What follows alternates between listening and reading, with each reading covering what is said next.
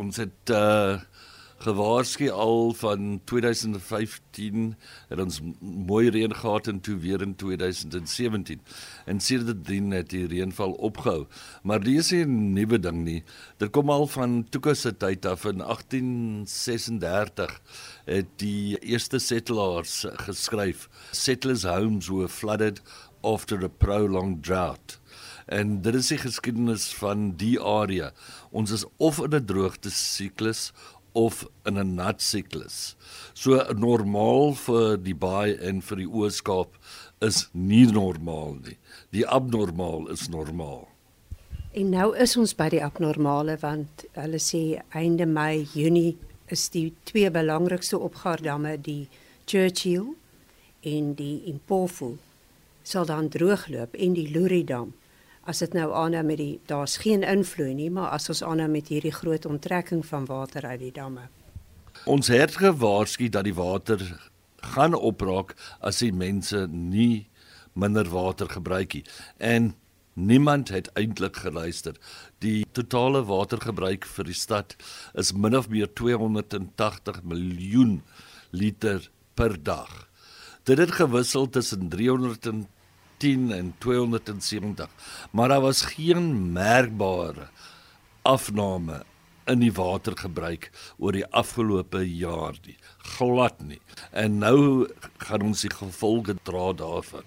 Maar ek het gehoor die verbruik het darm afgekom en daar's nou bykomende boorgate gesink en baie mense sê, maar wat gaan almal so aan? Daar kom nou mos hier bykomende water uit die geriep en die nooit gedagte waterskema sal amper voltooi. Wel nooit gedagte gaan op sy piek 200 megaliters 'n dag gee. Skus megaliter is miljoen. 'n miljoen. miljoen liters. Mense moet dit verstaan. Hulle praat van 'n dam in die baken sit en nie van Stadens dammetjie. Dit sal nie is Lorraine of Newton Park vir 'n halwe dag voet nie.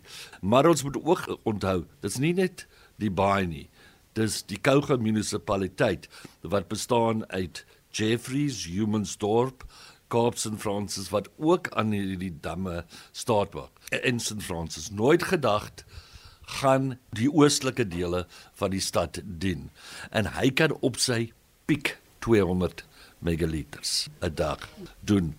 Maar wat gebeur as daar 'n probleem is? En gaan hy water na die westelike gedeeltes toe? Waar dit is nou Summerstrand, Warme en daai areas. En dit is 'n groot groot bekommernis om hoe gaan die water daar kom.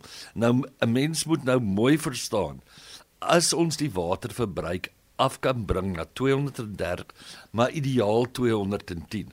Kan ons daai datum Skus 210 miljoen liter water 'n dag vir al die inwoners van Nelson Mandela Bay in die Kougasstreek. Dis reg dan kan ons daai datum 'n bietjie verder aanstoot tot die ander skemas in werke kom soos die koegekop well farm die ander boorgate wat op die lyn is na die Churchill Dam toe ensovoorts ensovoorts dan kan hy 'n bietjie meer water vir die stad gee totdat die reëns kom. En die ding is die reëns gaan kom. Ons moet nou voorbereiding maak vir die vloed die vloed gaan kom. Dit is nie if nie, it is when. En wanneer hy kom, gaan dit ook probleme veroorsaak. En dis hoekom ek nou preek en preek mense moet tanks kry. As ons kyk na Durban op die oomblik, hulle grootste probleem met al daai reën, hulle het nie water nie. Hulle het net modder. Hoekom? Omdat al die pyplyne weg was. As hulle tanks om hulle huise gehad het, sou hulle water gehad het. Maar 'n ander probleem wat ons het, jy gaan miskien 'n tank hê. As jou buurman nie tanks het nie en hulle toilet toe gaan, wat gaan gebeur met daai riool? Dit is 'n probleem wat die mense nie aan dink nie. So besparings nou gaan hy datum verder uitsteel. En die datums wat ons min of meer goeie reënval kry in die baai, onthou ons moet 50 mm en meer hê binne 24 uur om 'n verskil te maak aan die damme. En die grootste kanse wat dit gebeur is in Mei en Augustus. As ons daai twee datums verbygaan, dan het ons net nooit gedagte. En wat met Jeffreys en St Francis en Humansdorp gebeur. Ek wil nie eens dink daaraan nie. As die droogte aangaan en daar is nie besparings nie. Dit kan die hele baie groot skade aandoen wat tot 'n dekade kan vat om reg te stel. Besighede gaan kollaps. Die hele struktuur gaan onwrig raak. Jy kan leef miskien sonder elektrisiteit. Jy kan nie leef sonder water nie. Almal sê ja, dis climate change, dis die probleem wat dit veroorsaak. Die volgende droogte moet ons al klaar beplan vir nou. Dit gaan erger wees. Vir die groot rede is daar gaan meer mense wees. En as jy luister na die slim mense van klimaatsverandering, sê hulle jou pieke gaan hoër wees en jou laagtepunte gaan laer wees. In ander woorde, jou vloede gaan erger wees en jou droogtes gaan erger en langer wees. Sit mense in hierdie formule, dan gaan jy sien hoe erg die volgende droogte gaan wees. Ek het nou gesien toe ek hier gery het na jou kantoor hier in Newton Park, is hier verskriklik baie plaveisel en hier's nog baie min watertanks op.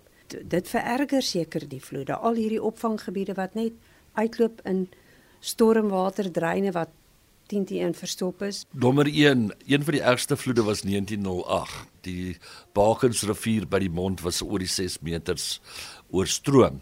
En die meeste water het geval tussen die plase van Lovemore, Heights en die ander ene Perkins. En dit was Hunters Retreat. So tussen Lovemore Heights en Hunters Retreat is basies Lorraine Sherwood. En in 1908 was daar niks daar nie. Nou is dit net sement en teer en alles. En as jy kyk na die begin van die bakens en kom laat ons eerlik nou wees, die bakens is die grootste stormwater drein in die baai. En as jy gaan kyk die begin van die bakens, alles kom bymekaar in groenbossies. Op die een kant het jy die Papenkuils, die ander kant die Chetty van dis van Mission Road nou en oorkant die pad het jy die bakens. Dis waar alles bymekaar kom. Maar hoeveel dakke het jy nou daar? Nou vat dit een druppel water op daai dak gaan reguit na die teer toe, gaan reguit en die stormwater gaan reguit na die bakens en en so voort. So die die vloed gaan erger wees. Daar's nie alternatief in perspektief. Durban se vloed is glad nie naby aan 1968 Port Elizabeth en 1981. Nou het ons gesien die skade wat in Durban gebeur, wat gaan in die baie gebeur? Dit is die grootste bekommernis wat ek het om dit te gaan gebeur. Dit is nie alternatief, dit gaan gebeur. Dit's net wanneer gaan dit gebeur? Nou en jy is nou 40 jaar al lank, maar almal ken jou as die baie se weerprofeet, weather guru, volg jou op Facebook en jy sê altyd reguit wat 'n ding is, maar hierdie is nou eintlik 'n baie somber boodskap.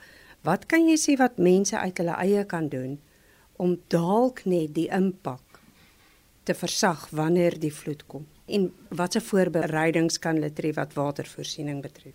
En dan gee mense baie kwaad vir my. Hulle noem my al the prophet of doom, Noah of alles van daai aard en sê ek is so negatief. Ehm um, ek het voor die laaste goeie reëns het ek begine voorbereidings uh, by my privaat besigheid in my huis begine maak met tanks. Ek's nou op die stadium, my vrou gaan my skei as ek nog 'n tank koop. Maar sy sal kan shower en uh, die toilet gebruik as die water op is. Maar vir die gemiddelde man gaan koop net 'n emmer, 'n ou veilige drom, enige iets om water te stoor van reënwater as jy dink kan bekostig kry dit. Maar die grootste ding is vir die mense om water spaarsamig te gebruik. We've got to get the buy-in from the public. Kaapstad het dit heeltemal gehad, maar die mense in die baai kan nie sien dat daar 'n probleem is nie. Baie sê dit gaan nie gebeur nie. Ons het nooit gedag. Dit is die grootste fout wat ons maak. As elke persoon net 10 liter 'n dag spaar, werk dit uit oor 'n miljoen mense. Dit gaan elke liter wat ons nou spaar, gaan hy datum 'n bietjie verleng totdat goeie reën of die volgende vloed kom wat ook al eerste is.